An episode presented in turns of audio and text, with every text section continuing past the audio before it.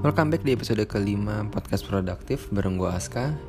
Di episode kelima ini gue mau bahas tentang mindfulness. Sekilas tentang mindfulness Mindfulness adalah sebuah kemampuan untuk mengkondisikan pikiran kita Supaya bisa lebih fokus pada aktivitas yang sedang kita lakukan. Nah, di zaman di mana intervensi digital seperti notifikasi yang bersifat non-stop dari HP kita Dan rentang fokus manusia yang semakin menurun mindfulness itu bisa membantu kita dalam memilih prioritas dan meningkatkan fokus kita sehari-hari. Halo teman-teman semua, setelah lama gue tidak publish podcast, akhirnya gue bisa menyelesaikan podcast episode kelima ini. Nah, sebelum gue mulai pembahasan untuk podcast episode kali ini, gue sarankan untuk teman-teman pendengar podcast gue untuk mendengarkan podcast episode pertama dan episode keempat di mana gue di situ membahas mengenai prioritas dan efek dari teknologi terhadap produktivitas. Karena di podcast kali ini gue akan menjelaskan bagaimana mindfulness itu bisa membantu kita dalam menentukan prioritas dan mengurangi efek negatif uh, akibat teknologi. So, seperti biasa, mari kita mulai dari definisi terlebih dahulu. Mindfulness itu bisa diartikan sebagai suatu state of mind di mana kita fokus dengan aktivitas yang kita lakukan.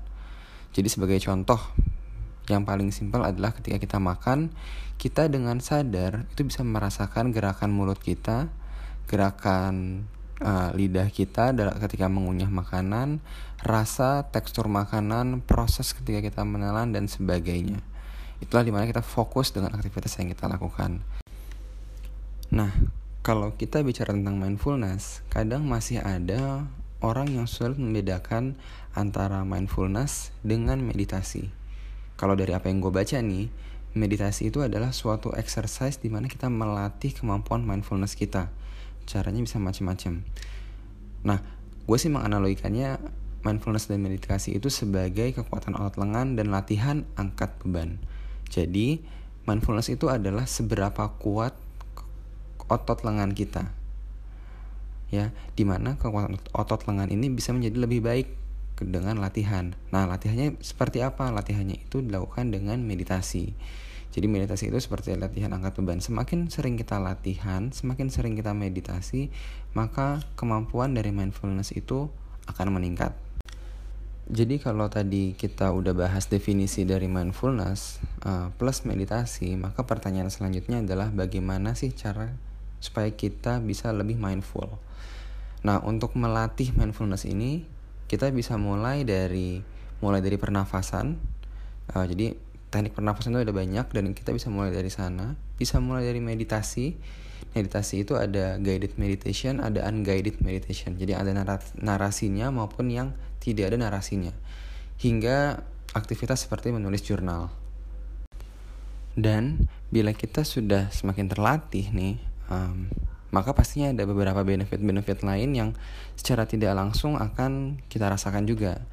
Di antaranya, pertama, tentunya mindfulness itu uh, akan membuat kita lebih fokus dan meningkatkan konsentrasi kita secara keseluruhan.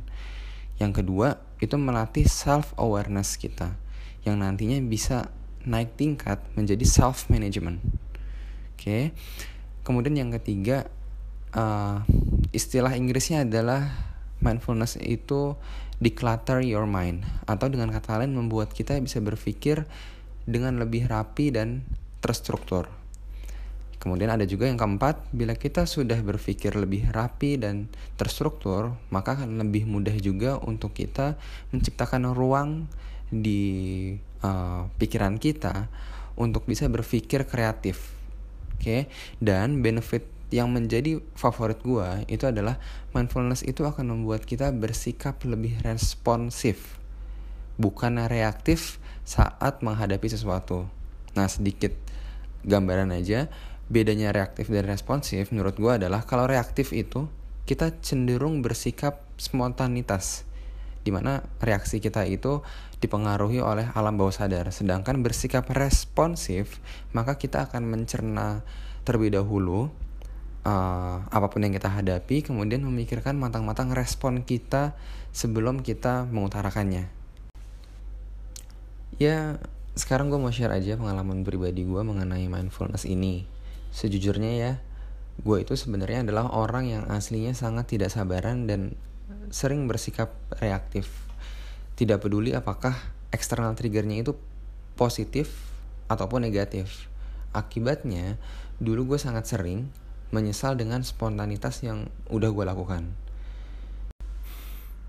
Sejak tiga tahun yang lalu akhirnya gue mengenal meditasi, mindfulness, dan gue coba untuk berlatih.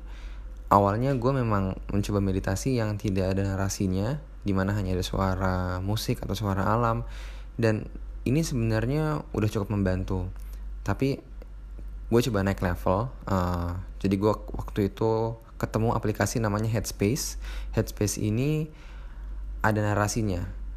Nah, atau kita sebut uh, guided meditation. Ternyata menurut gue pribadi uh, dengan guided meditation itu lebih efektif karena narasi-narasinya itu membantu uh, kita untuk tahu langkah-langkah apa yang harus kita ambil pada saat kita meditasi. Misalnya, kapan kita harus ambil nafas, kapan kita harus fokus pada suatu titik, um, dan macam-macam teknik yang diajarkan di sana. Tidak lama setelah itu, gue baca beberapa artikel yang menjelaskan bahwa ternyata menulis jurnal itu bisa membantu melatih mindfulness melalui self reflection dan gue pun akhirnya mulai secara rutin menulis jurnal. Bisa dikatakan cara gue menulis jurnal ini pun berevolusi. Awalnya gue menulis jurnal bisa 5-6 paragraf dan tidak memiliki struktur apa pun. Kemudian gue mulai membuat struktur di mana gue bagi ada overview, ada keseharian pagi, siang, sore, dan ada summary-nya. Tapi karena uh, cara ini ternyata menghabiskan waktu yang cukup lama dan kesibukan uh, gue pun bertambah gitu ya.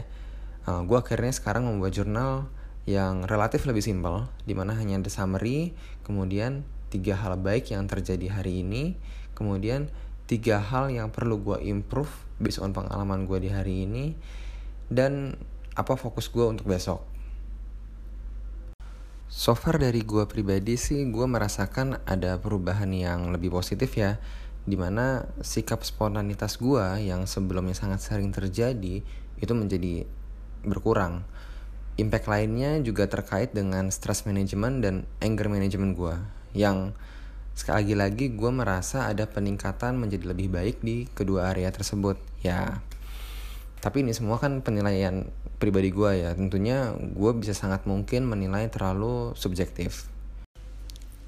Tapi prinsipnya ya teman-teman, gue sih merasa mindfulness itu bukan sekedar jargon atau tren semata aja. Tapi bila dilakukan dengan baik maka akan ada benefit yang bisa kita rasakan. Nah sekali lagi ya ini berdasarkan pengalaman pribadi gue mindfulness ini telah membantu gue untuk bisa memilih prioritas lebih baik. Kemudian kaitannya dengan efek teknologi mindfulness ini juga sudah membantu gue untuk tidak bersikap reaktif terhadap stimulasi teknologi di sekitar gue. Misalnya notifikasi yang ada di handphone atau email-email yang masuk ke email inbox gue.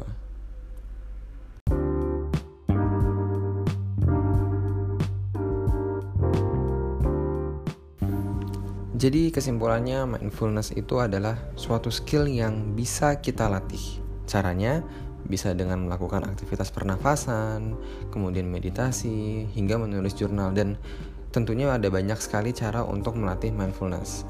Uh, dan bila kita kaitkan dengan produktivitas personal kita, maka mindfulness pastinya akan meningkatkan produktivitas kita karena kita bisa lebih mudah menentukan prioritas, lebih fokus saat melakukan aktivitas dan tidak mudah terdistract dengan teknologi yang ada di sekitar kita. So, itu aja yang bisa gue share. Semoga bermanfaat untuk kalian. Apabila ada komentar, kalian bisa visit Instagram Produktif. Akhir kata, thank you for listening podcast Produktif. See you di episode selanjutnya.